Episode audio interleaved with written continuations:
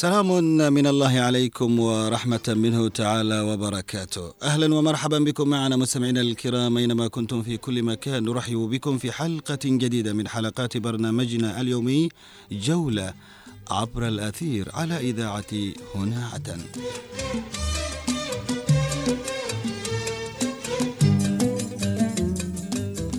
مستمعينا الكرام أسبوع جديد وجولة أخرى من جولاتنا المباشرة التي نقضي فيها أسعد وأمتع اللحظات عبر الفضاء الأثيري المباشر الذي يأتيكم من هنا عدن.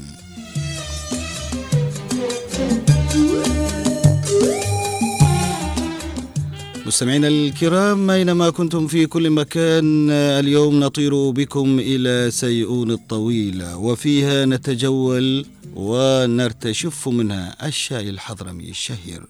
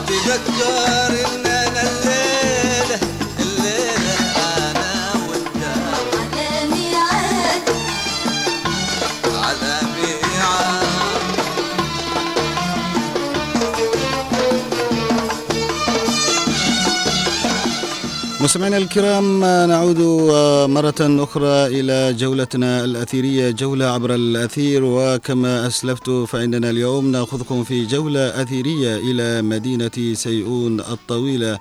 هذه المدينة الساحرة بعبقها وتاريخها ومدنها وكذلك أحيائها بالإضافة إلى أسواقها الشعبية وإلى أهلها الطيبين. واني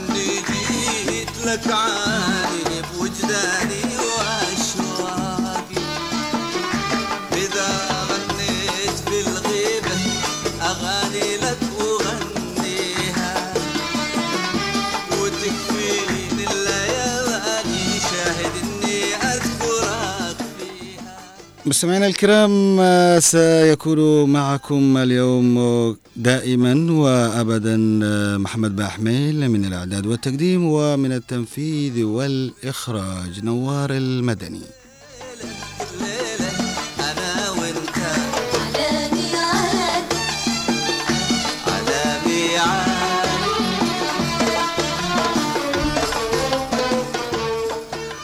مستمعينا الكرام خلونا نجول بكم جولة خاطفة وقبل أن نجول بكم جولة خاطفة بس نذكركم أنه البرنامج يتخلل آه، نبذة تعريفية عن المدينة أو المحافظة التي نقصدها. بعد ذلك آه، نعود إلى آه، أغنية وفنان ومن ثم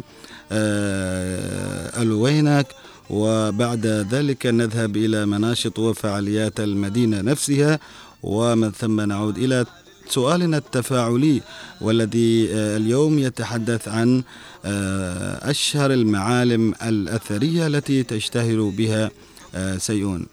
طبعا معالم كثيرة وكذلك أشياء جميلة جدا. حتى وإن تحدثنا عن الأكلات الشعبية فإن سيون هذه الأشياء برضو كمان تتميز بها. لكن خلونا ننطلق ونبدأ معكم مستمعينا الكرام إلى النبذة التعريفية عن سيئون.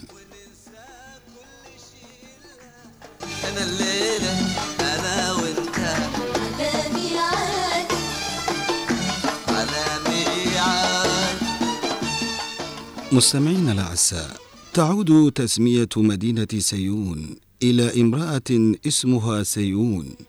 كانت تمتلك استراحة ومقهى تستقبل بها المسافرين. بعد ذلك سميت المنطقة باسمها تكريما لها. أصبحت مدينة سيئون من أكبر مناطق حضرموت الداخل وتتمتع بوسائل ترفيهية كثيرة ويوجد بها سوق كبير يتردد إليه الناس من الخارج وأبرز القرى المجاورة لها. مثل مدوده ومريمة وبور الأثرية وعروض الصقير وحوطة سلطانة يوجد بها مطار دولي يسمى مطار سيئون كما يوجد في سيئون أيضا أكبر قصر بني من الطين والحجارة وهو قصر سيئون الكثيري الذي بني قبل أكثر من مئة عام. وتبلغ مساحة مديرية سيون حوالي 804 كيلو متر مربع وتقع المديرية في الجزء الأوسط من محافظة حضرموت وواديها ويحدها من الجنوب مديريتي تريم وساه ومن الشمال مديرية تريم والقف ومن الشرق مديرية تريم ومن الغرب مديرية شبام.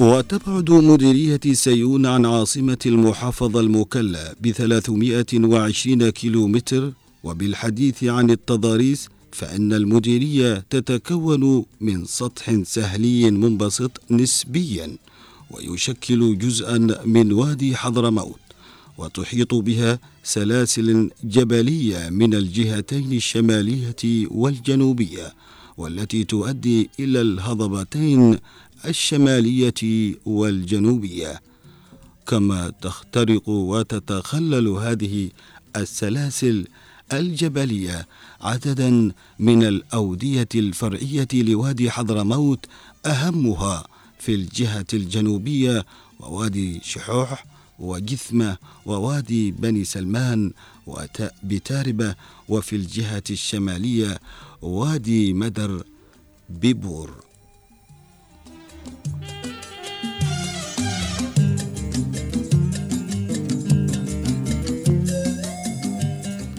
مستمعينا الأعزاء أينما كنتم في كل مكان كانت تلك هي طبعا نبذة تعريفية ومختصرة عن مدينة سيئون الطويلة. هناك الكثير من المقومات السياحية وكذلك الأثرية ولكن آه، طبعا سنستعرضها في آه، حلقات قادمة ما هي إلا نبذة تعريفية وخفيفة عن مدينة سيئون.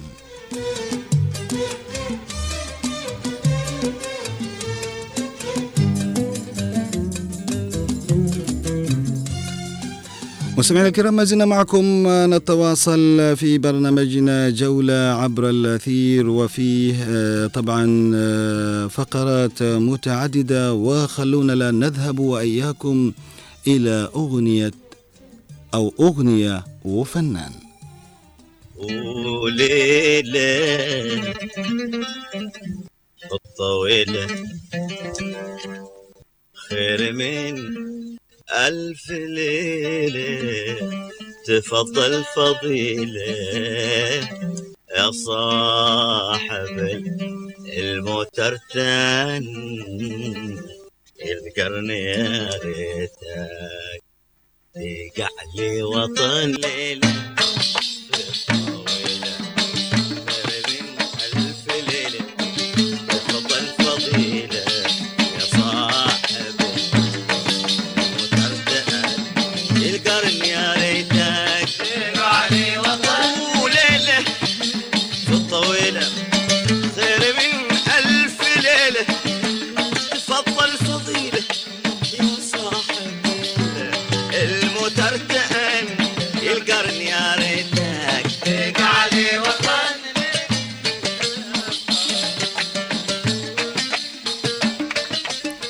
مستمعينا الأعزاء عندما تحدث الشاعر الكبير الراحل حسين أبو بكر المحضار في قصيدته المشهورة ليلة في الطويلة وغناها الفنان الراحل أبو بكر سالم بالفقيه.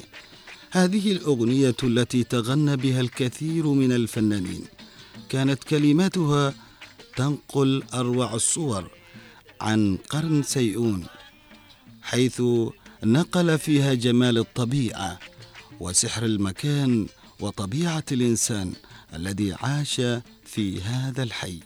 لقد كان حسين أبو بكر المحضار صادقا ومبدعا في النقلة. الليالي مثل ليلة وصالي حبوب الليالي مرضى بهن. فيها ثمن القرن يا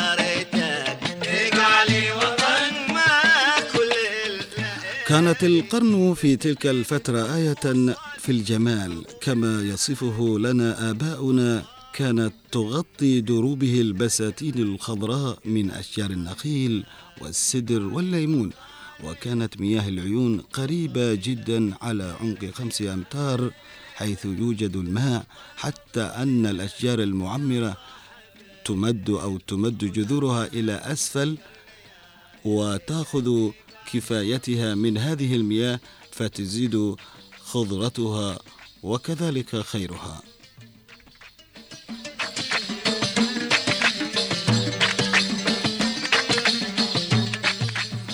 ويتضاعف هذا الجمال عندما تنزل الأمطار حيث تتدفق مياه السيول وتنساب من أعالي الجبال فتشكل منظرا رائعا كأنها شلالات تنحدر بالمياه الصافية النقية وتنزل عبر السواقي إلى البساتين ويفرح بها الجميع ويلعب بها الأطفال وتغرد الطيور وتملأ الأرض بالأعشاب والأزهار وترعى البهائم ويسعد بها الجميع. كما تغطي أو تغنى المحضار أيضا في هذه الأبيات لأنه شاهد منظرا ليس الذي نشاهده اليوم. لقد اختفى هذا المنظر تماما ولم يبقى منه إلا القليل شاهدا على أبيات هذه القصيدة. نعم آه، تغير المكان كثيرا وذهبت مناظره الخلابة الساحرة ولم يبقى في القرن إلا جمال النفوس ساكنة وأهلها الطيبين. أما جمال المكان الذي تغنى به المحضار فقد ذهب وتلاشى واحلت المباني محل البساتين الخضراء الجميلة.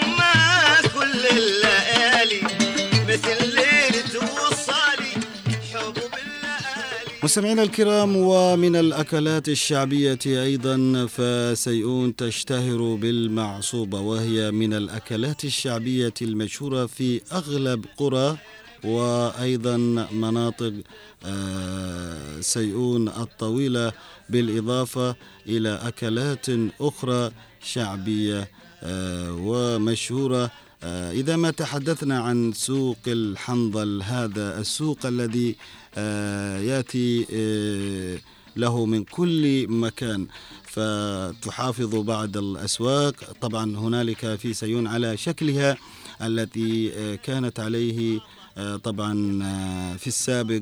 وهناك الكثير من الأسواق التي تحاكي المكان وتحاكي آه، كل من يأتي إليها ويرتديها. فسيئون بكل آه، طبعا آه، أماكنها وأزقتها آه، تعتبر طبعا من أجمل المدن. آه، خلونا نذهب وإياكم إلى آه، أكبر آه، الأسواق آه، اللي هو سوق الحنظل الذي يبيع آه، السلع الأكثر طلبا آه، من جانب المستهلكين إلى جانب بعض أنواع المكسرات أبرزها الحنظل والزعقة التي تشتهر آه، بها سيئون والحنظل مستمعينا الكرام أحد ركائز الجلسات العائلية في المجتمع الحضرمي وأحد أهم الهدايا بين الناس بمعية العسل الدوعني والحناء الذي يباع في أورقة السوق. وسوق الحنظل له أهمية كبيرة عند الحضارم والسكان القريبين لحضرموت وكل أبناء هذا الوطن الذين يمرون عبر مدينة سيئون. معتدل في قوامه عيونه سهام كل ما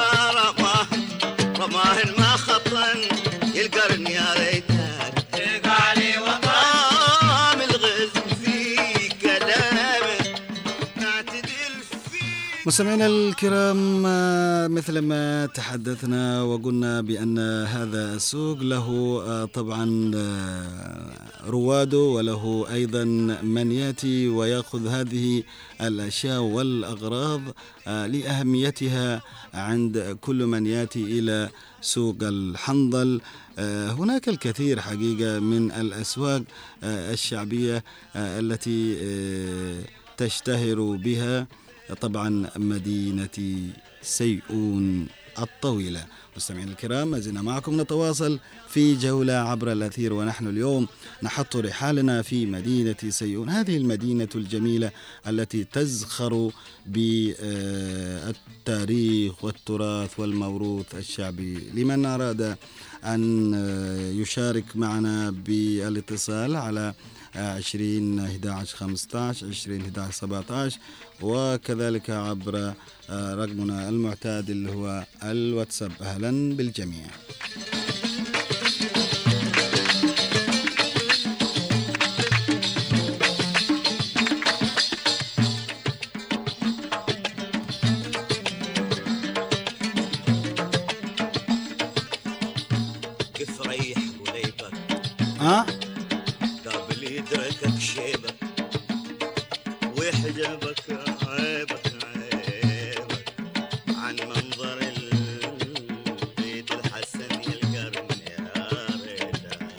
مستمعينا الكرام آه، أيضا الواتساب اللي هو سبعة واحد آه، خمسة تسعة اثنين تسعة ما عليكم إلا مشاركتنا وتقولون ما هي أشهر المعالم الأثرية التي تشتهر بها آه، طبعا مدينة سيئون الطويلة. ونحن اليوم في مدينة سيئون آه، طبعا نسافر وإياكم نتعرف على آه، سيئون نتعرف على أهلها الطيبين نتعرف على ما آه، تختزنه هذه المديرية والمدينة العاصمة طبعا الثانية لمحافظة حضرموت. أهلا بالجميع.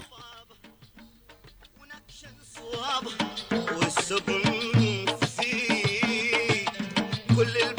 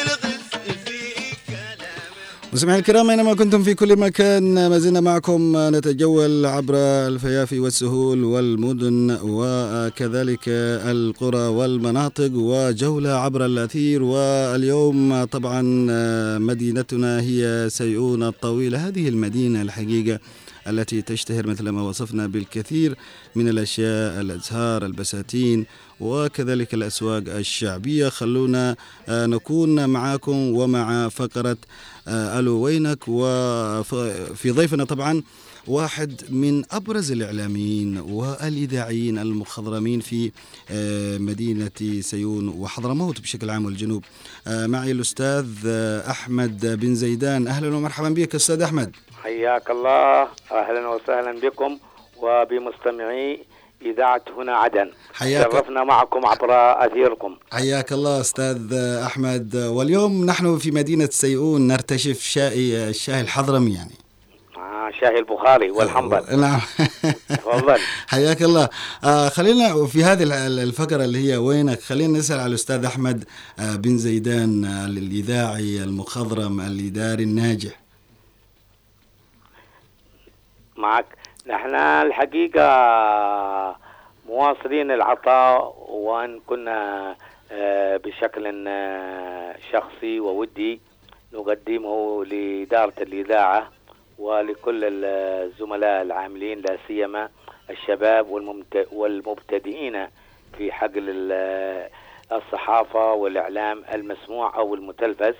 آه، فقد آه، شغلت آه، إذاعة سيون لأطول فترة مدير عام من آه، 16 أغسطس 94 حتى آه، 20 ديسمبر 2013 آه، 2023 أو آه، 2013 مم. يعني لنحو آه، 19 عاما.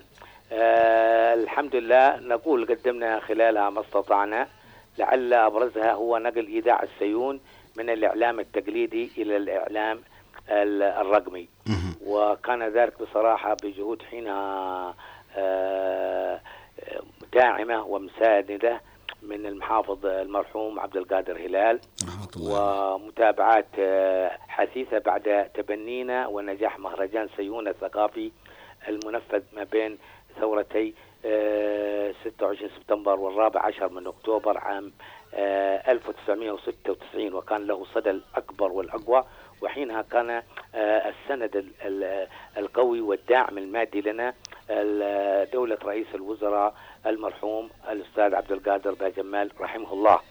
آه، توجت هذه بحصولنا على محطة رقمية الوحيدة في الجمهورية اليمنية ولأول إذاعة آه، هي إذاعة سيون كرمت مكافأة لتجربتها ال- الطوعية التي بدأت عام ألف آه، في 26 سبتمبر 1973 وحتى اليوم ونحن نحتفي بالذكرى الخمسين واليوبيل الذهبي لتأسيسها ومن عمرها آه، المديد المهم استطعنا وكنا سباقين حينها آه، قبل الإعلام حتى المركزي آه، بما فيها إذاعة صنعاء وعدن. عدن كانت لديهم الأجهزة لكن عملية الشروع فيها والبدء ربما نحن طبعا بدأنا بشكل أولي ولكن تطور الأمر حتى ما وصلت عليه آه، الصورة. ودخلنا نحن في عالم النت آه، سباقين أيضا للإذاعتين المركزية نتكلم كبث وليس نعم. كمواد آه، نعم. مخزنة. نعم. طيب أستاذ أحمد يعني أنا أتحدث معك كأحمد بن زيدان. بعد خروجي من إذاعة سيون كان خروجك آه، في نوع من الحدة؟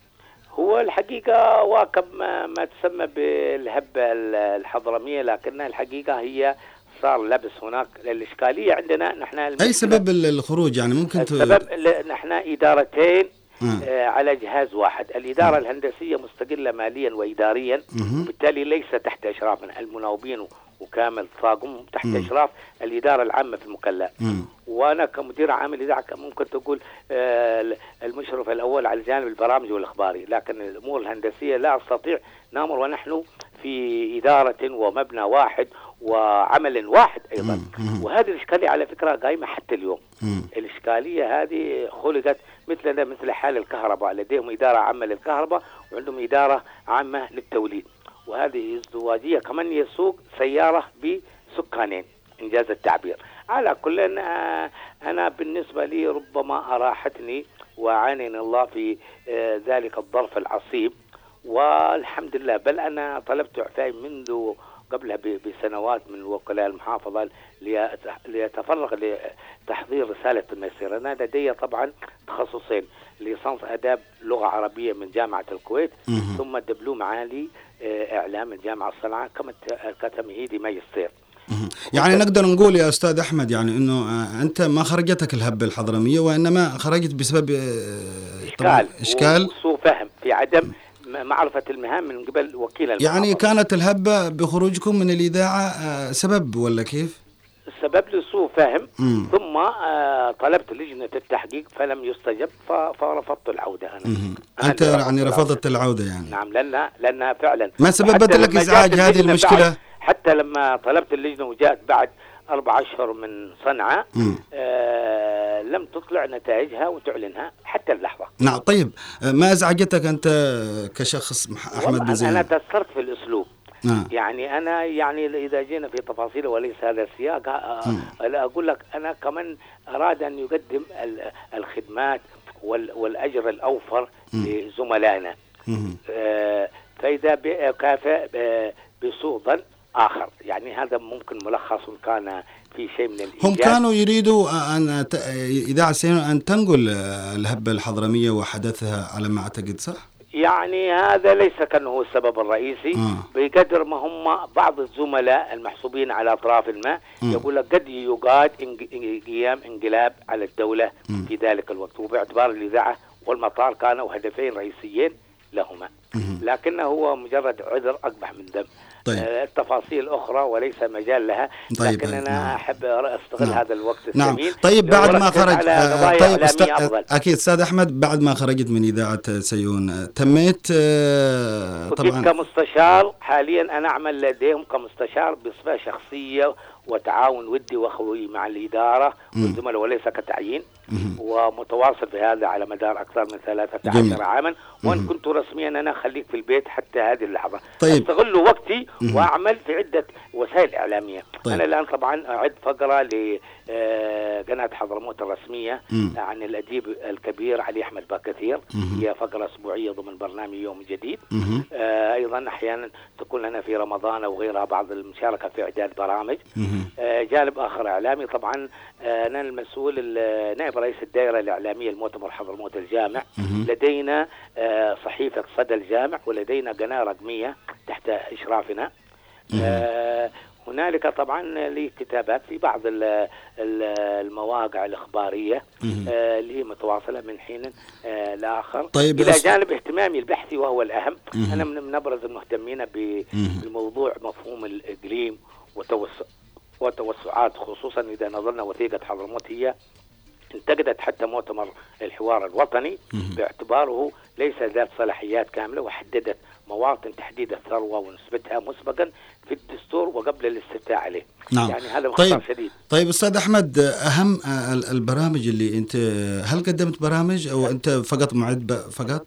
أنا إلى جانب الإعداد آه، آه، في السنوات الأولى طبعا عديت وقدمت آه، آه، برامج مثل حوار مفتوح الذي جلس لفترة طويلة آه، يناقش عدد وتعطي مساحة كانت للراي كنا نستضيف قيادات أحزاب مم. يعني ونحن أنا ال- ال- ال- القصة أخذها بمفهوم أن الإذاعة وظيفة وليس أن إحنا كجانب حكومي بس نلمع آه. نحن كنت أنتقد ودائما ما أدخل في صدامات مع قياده السلطة المحلية، تعرف الجانب الدرامي هو فيه شيء من السخرية مم. وغيره، بعض المسؤولين لا يتقبلون أذكر في مشهد مم. كنا نقول على طريق ما في حي الوحدة بسيون إنه لم يسفلت حتى دعوا إلى إقامة مبادرة لمحضة هذا الخط، يعني محضة بدلا عن السفلت، فاعتبروها هذا كجانب آه، شيء من ال- ال- الإهانة وهذا من غيره. وانتقال طبعا. هذا طبعا على سبيل المثال.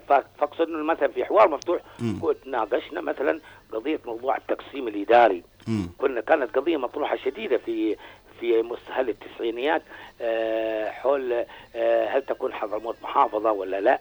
فكان هذه آه، أخذناها في رواح عدد من الأحزاب نستضيفهم طبعا البرنامج مسجل ونحن آه، الشيء الطيب عندنا إحنا المعاناة يقول تولد الإبداع هل من حضرموت ولا؟ المسجلات جعلنا نأخذ أغلب آه، برامجنا خذنا البرامج المباشرة وكانت طيب، أستاذ أحمد. افضل تجربة أختصرها لك آه. إن إحنا بدينا أول بث مباشر مع إذاعة عدن مم. مع الزميل المرحوم محمد البرعي. الله يرحمه. ثم هذه التجربة حقنا عممت على إذاعة صنعاء ثم عممناها عممتها إدارة المؤسسة على كافة الإذاعات ال- المركزية والمحلية في كل الأعياد الوطنية. فكانت الفكرة الرائده هي لإذاعة آه، آه، سيئون. وهنا طبعا نساهم في مثل هذه إعدادات الفقرة باعتبارها في الجانب الثقافي والتراثي إلى جانب زملاء مثل الزميل ال- المبدع هشام علي الثقاف ومعانا طبعا آه، آه، نوزعها على عدة فقرات لأن البرنامج كان آه، على مدار ساعتين على الهواء مباشرة. نعم. جميل. وكان فترة الإرسال من متى إلى متى؟ كان طبعا لما بدأنا بعد حصولنا على المحطة ال- الرقمية التي افت- افتتحت في 9 أكتوبر عام 2002 آه، انتقلنا من ثلاث ساعات إلى سبع ساعات. ثم تطورت الأمور وحاليا تعمل من الساعة السابعة حتى الساعة الثامنة مساء. نعم جميل. متواصل. آه، طيب آه، أستاذ أحمد يعني ونحن اليوم نعيش ظرف آه، صعب وأيضا إعلام طبعا خارج الوطن بالنسبة للشرعية. آه، كيف ترى اليوم الإعلام الجنوبي اليوم من حيث تناوله للقضايا المحلية وكذلك القضية الجنوبية؟ كيف ترى؟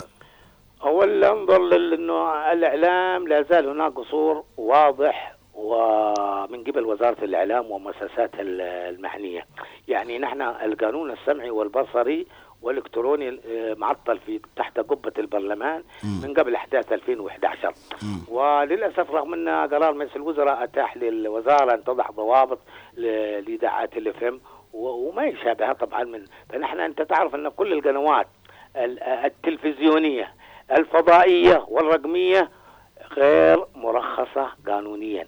غير رسمية يعني باختصار غير الإعلام الحكومي هذا إذا جينا من منظور القانون لكن للأسف ما له ما هنالك ضوابط اللي نخشاه هو عمليه ما في. دولة عشان تسوي ضوابط يا أستاذ من أحمد قبل الوزارة تسير وفقا لمسودة المشروع القانون اللي هو أصلا كان على وشك الإصدار حتى آه، تعود الدولة بكامل مؤهلاتها أما أن تترك الحبل على الغار طبعا هذا الدولة خطأ. هي هي هي وإعلامها آه، خارج البلاد يعني كيف تشوف؟ لا أنا- أنا طبعا بتكلم على سواء كان اللي خارج البلاد ولا اللي هو حتى إحنا نتكلم على الوقت الراهن أنا أحمد. بتكلم حتى بما فيه على الإذاعات الاف ام. والقنوات الرقمية المنتشرة عندنا بكثرة هنا مثلا في حضرموت أيوة. وأعتقد نفس الحال في عدن وغيرها. آه كثير من ال من ال من الوسائل على الأقل اللي هي آه، داخل الوطن تستطيع أن تضبطها بضوابط بتراخيص أولية. حتى الآن ما فيش كل القنوات التي تعمل عندنا مثلا ليس لديها ترخيص ولو مؤقت. لكن هنا هنا هنا في عدن في آه، تراخيص اختراق قيمي مم. وتنفيذ أجندات وخروج عن سياسات الدولة القائمة. هذا إذا بنتكلم وفقا لمفهوم دولة النظام والقانون. هو ما في. إحنا إحنا آه، أستاذ أحمد آه، ما فيش الدولة طبعا هي هي أنا عارف الدولة كلها مشلولة. لكن نسعى نسعى. آه. نسعى. طبعا يعني أنا ليش نحن متمسكين بالقانون وضعنا في ونظام حضرموت. القانون؟ والدولة هي بعيدة منها أستاذ أحمد. معاك معاك لكن تستطيع المسؤولين القائمين إيش يعملوا؟ سواء آه. كانوا في عدن أو في حضرموت. نحن ليس لدينا جبهات احتراب مثل المحافظات ال- الأخرى ماربا وغيرها مم. نستطيع من خلال مكاتب الإعلام بالتنسيق مع السلطة المحلية مم. إن نقر ضوابط ونمشي على ضوء حتى يصدر القانون يعني ليس هذا آه، عذر آه، يخلي مسؤولية القائمين على. هذه الوسائل وعلى السلطات آه، المحليه نتمنى أن تتجاوز لكن أنا أعود أقول مم. اجمالا على وسائل على- الإعلام أيوة. طبعا هي ينبغي أن تركز على رسالتها آه، ال- التنويرية التثقيفية آه، أن تكون هناك مصداقية في المعلومة وفي إبراز الحقائق اللي, اللي في كثير من الوسائل الإعلام تعتمد على البهرجة مم. والترويج الإعلامي الكاذب مهم. فانا بتكلم ب- ب- بصفة عامة أيوه أيوة. وإذا ما جينا على مستوى التخصيص طبعا هناك آه، تندرج مثلا في في في الإعلام ال- الجنوبي كما آه، آه، قلت أيوة. آه، يعني هناك طبعا آه، من حيث الكثره ما شاء الله كمواقع كوسائل شفت كيف. لكن أراه لا زال آه، ضيق الأفق. يعني محصور في من يتعاطون في قضيته. لابد أنا في وجهه نظري تتوسع الدائره. القبول بالرأي والرأي الآخر. أي موقع جنوبي لن تجد فيه إلا أخبار وكتاب الذين يعنون بالقضية. لن تجد حتى مثلا حضرموت نحن. باعتبارنا أصحاب قضية حضرمية مماثلة لها في الحقوق وفي الاستحقاقات التي ننشدها. آه لن تجد هنالك هامشا ولو ضئيلا للراي والقبول بالآخر. هذه أنا أراها أنه حتى تتعاطى مع الآخر. لابد أن تستمع. حتى مع معارضين يعني أنا بتكلم مثلا في إلى فترة قريبة كان فصائل الحراك هم جزء من القضية الجنوبية. صحيح. لكنهم مهمشين الشيء الطيب إنهم بدأ دعوتهم في اللقاءات التشاورية. هذه خطوة طيبة. أنا اللي أتمناها مثل المخرجات هذه ال- ال- اللقاءات التشاورية أن تعكس في وثائق الانتقاليه يعني نحن لنا في حضرموت نقول إقليم في اطار أي دولة آه، في اطار أي تسوية سياسية قادمة. يعني معناتها أنها جنوبية وأنها دولة اتحادية. نحن كحضارة ما لازلنا حتى اليوم الذي ننشده وبالذات المهتمين بال- بال- بالنخب السياسية أن تكون هناك ضمانات للاستحقاقات، لا نقول بس إقامة دولة جنوبية فيدرالية وحسب، يصبح مؤتمر الحوار في تفصيلاته افضل من هذا الكلام، لن تجد غير الثلاث هذه الكلمات. آه، دولة جنوبية فيدرالية، ما هي؟ ما نسبة الثروة؟ ما تفاصيلها؟ الصلاحيات؟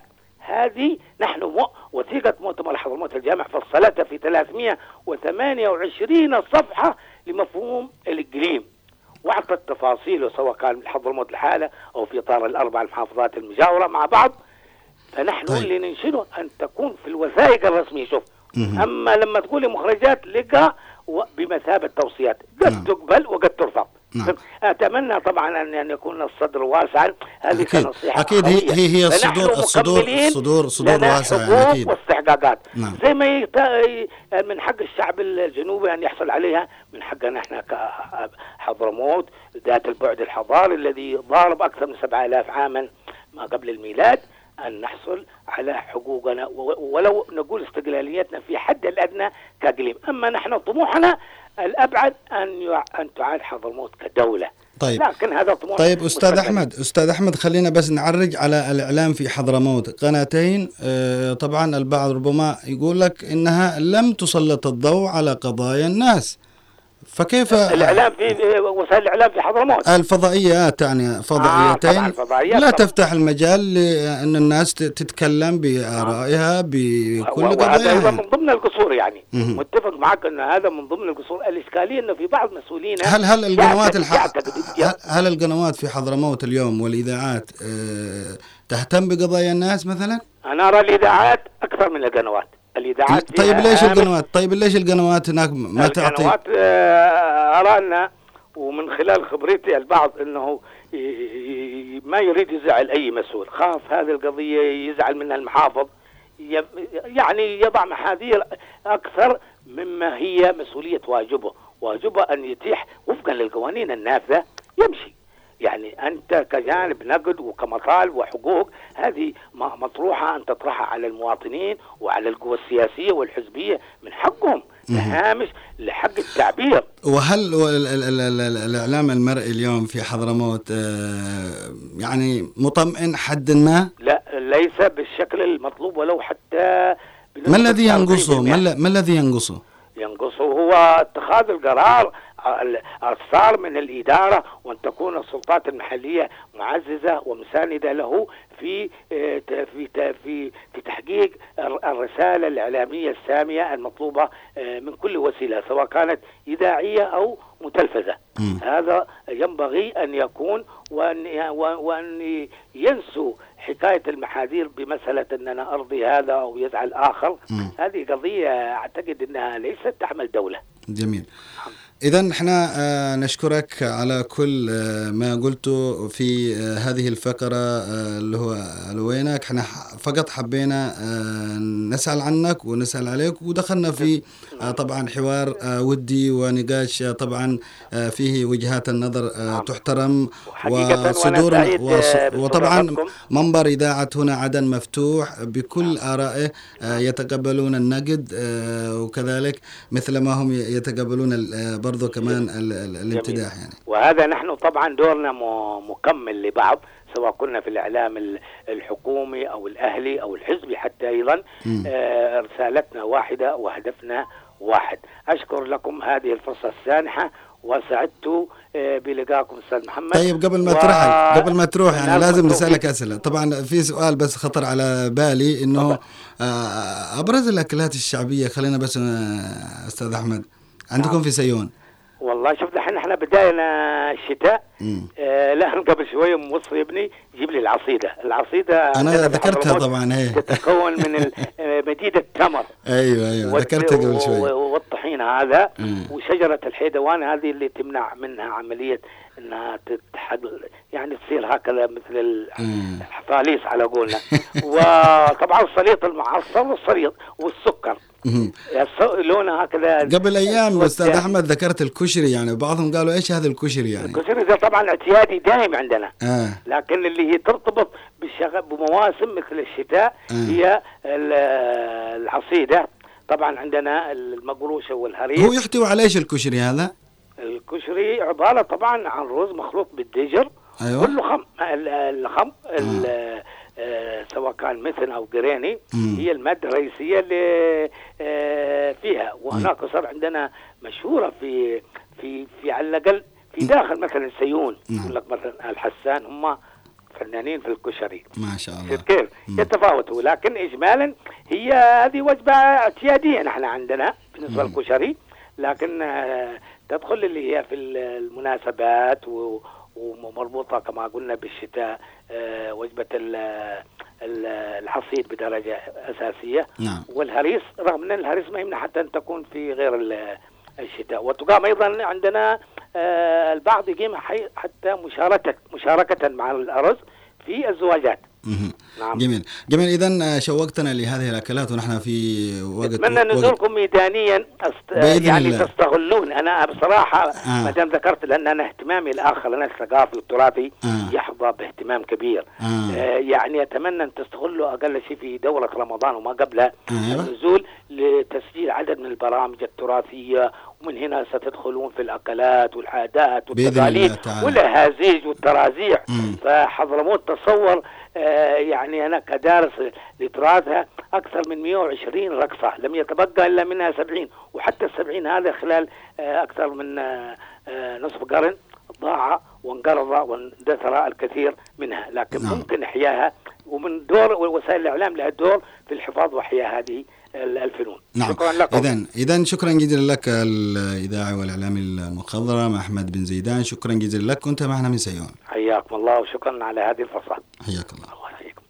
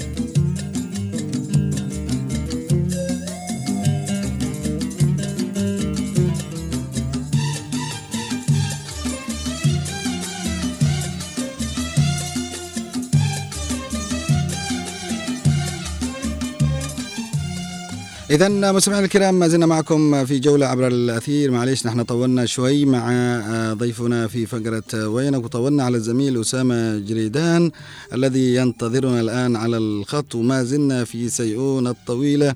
ويا أسامة أهلا ومرحبا بك. أسامة؟ يا مرحبا وسهلا في البداية مساء الخير عليك جميل. حياك الله أسامة نرحب بك عبر أثير إذاعة هنا عدن. آه، طبعا آه، جولة عبر الأثير آه، ماذا لديك اليوم في فقرة الميدان؟ طبعا زميلي العزيز في البدايه نحن الان آه، ما زلنا يعني في ضخام دوري واحتفالات واسعة بها محافظات الجنوب وكان أيضا لمدينة سيون ووادي حضرموت آه، بشكل عام نصيب من هذه الاحتفالات حيث أقامت آه، يوم أمس آه، ريحة الشطواني بمنطقه آه، غرفة بمدينه سيون.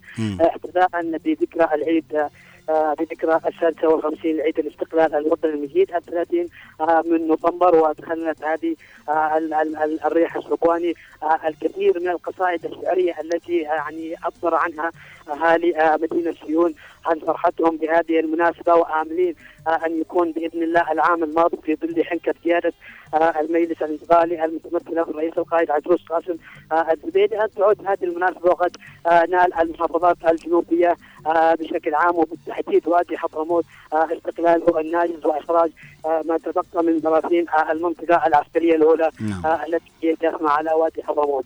هذه هي الأحداث التي يعني في صددها في محافظات الجنوب والآن نخص بالذكر آه، في مدينة سيون هناك أيضا تقام آه، ورشة عمل حول قضايا آه، آه، في القانون والتعليم.